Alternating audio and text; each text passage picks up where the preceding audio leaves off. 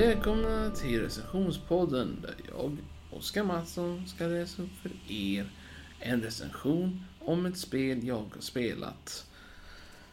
Detta spelet är en uppföljare, eller fortsättning på Starcraft 1. Vi kommer alltså då snacka om Starcraft 2 genom hela dens historia från Wings of Liberty till Nova Covered Ops. Vi kommer dock börja med såklart med första delen och fortsätta så vidare genom hela serien.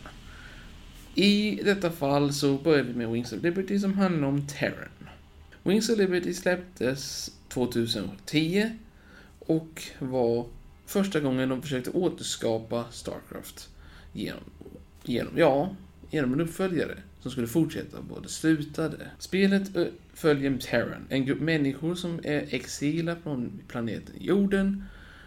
Ja, mer eller mindre, de blev utslängda på grund av något genetiskt fel. Vilket ni kan ta reda på själva genom att läsa böcker eller hoppa in på hemsidor. Men i vilket fall. Det handlar om att de överlevde i en sektor som heter Caprulo Sector. Denna sektorn innehöll material som de var menade var utskickade bara för att mina. Alltså gruvarbetare. De var bara gruvarbetare, sen blev de en armé. Hur hänger det ihop? Ja, det får ni ta reda på själva. I alla fall. Hela alltet handlar om fyra år efter slutet av Brood War, ungefär.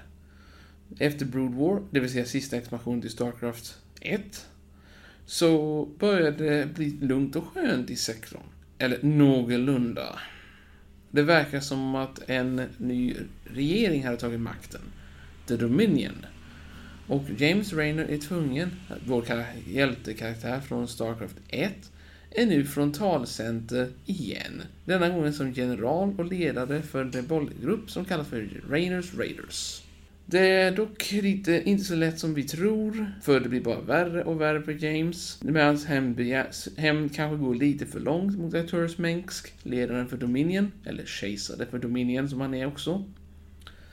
Genom storyn i sektorn så är han tvungen att hjälpa, förråda eller återställa rättvisa system i vissa sektorer.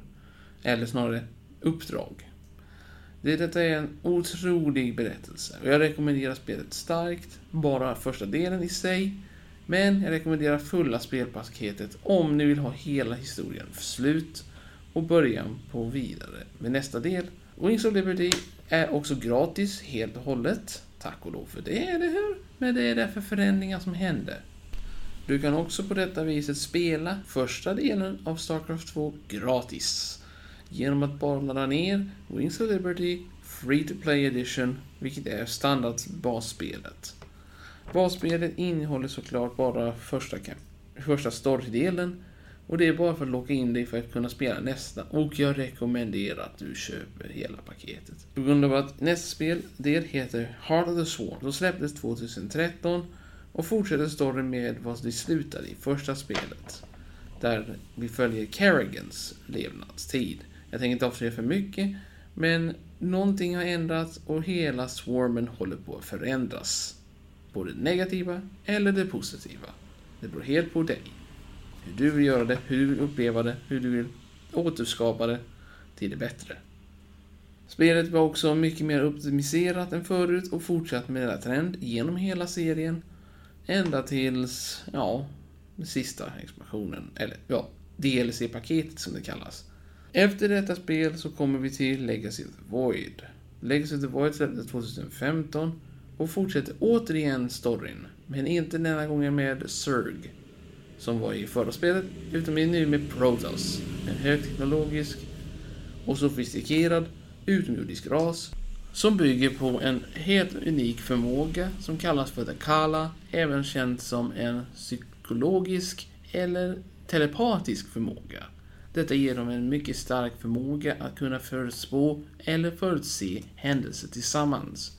Denna förmåga kopplar dem samman, men även den hamnar i katastrof i detta spel. Direkt i början av spelet så blir något fel. Någon katastrofalt fel som leder till att folket blir splittrat till inte längre de följande två grupperna som fanns, utan flera grupper. Din uppgift är att bygga upp en armé igen och ena är att stoppa ondskan från att återuppbygga sig själv från hans alltså, undergång. Allt detta händer ju medan allt detta händer så blir det plötsligt mer och mer katastrofalt. Kriget i systemet blir ännu värre. Men som vi alla vet så kan ju inte ett spelbolag sluta på denna punkt med att allt blir frid och fröjd. Det var då de bestämde sig för att släppa ett till lite DLC-paket, eller tilläggspaket, som heter Nova Covert Ops, som fortsätter storyn i en bakgrundsdriven story. Tror det eller ej, men det blev otroligt roligt. Du följer Nova, en Ghost, eller snarare en Assassin, eller en lönnmördare, som vi kan också kalla det, som i sin tur har uppgiften att försöka hjälpa den nya Dominion, som nu leds av sonen till Arcturus Mengsk vid namn Valerian Mengsk. Han försöker istället för att vara liksom att jag är bäst, jag styr, bla bla bla bla, så vill han mer eller mindre tänka på folket. Han är en folkets ledare. Mer än att vara en brutal ledare så tänker han på att hur kan jag hjälpa folket bäst? Novas story börjar med en katastrofal upplevelse om, ja, minnesfluckor och händelser som inte skulle ha hänt, enligt vad jag fick höra i storyn när jag läste och försökte förklara själv detta, så upptäckte jag att hela storyn är lite bakvänd. Vem är egentligen Nova? Var kommer hon ifrån? Och så liknande förklaras inte.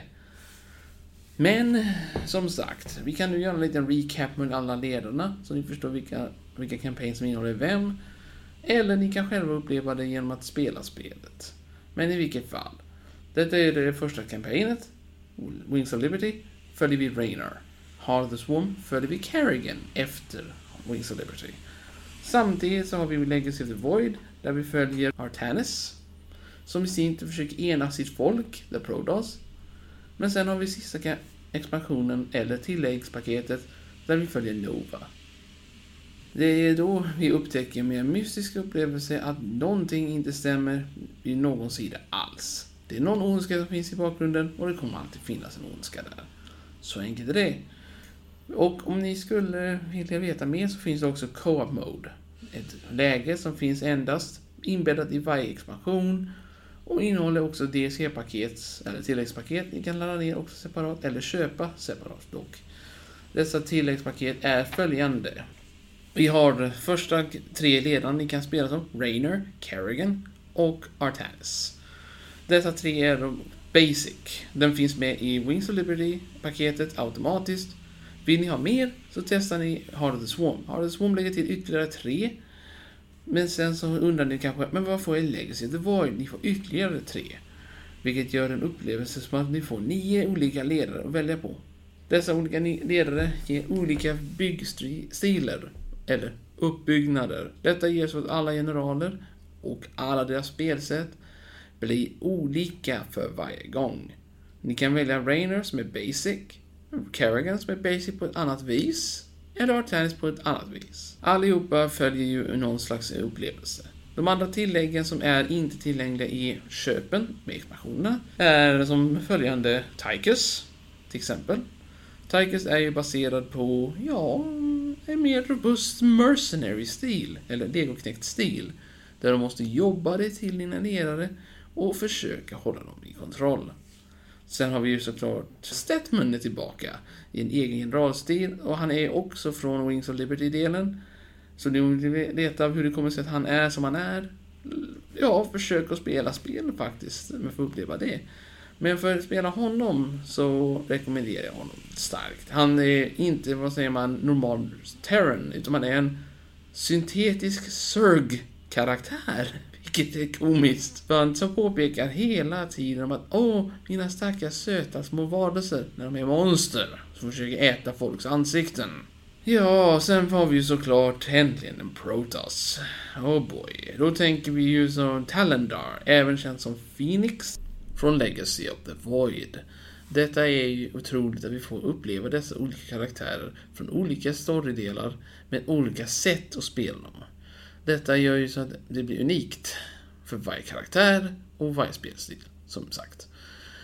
Men jag vill också påpeka att det finns alternativa tidslinjer inbläddade i detta med Tychus, Mengsk och några till. Jag rekommenderar detta spelet med alla delar och hoppas att ni njutit av det. De tre delarna är, är rekommenderade i ett paketpris, rekommenderat under försäljning. Men om ni är fast med att vilja spela Starcraft rekommenderar jag detta 100%.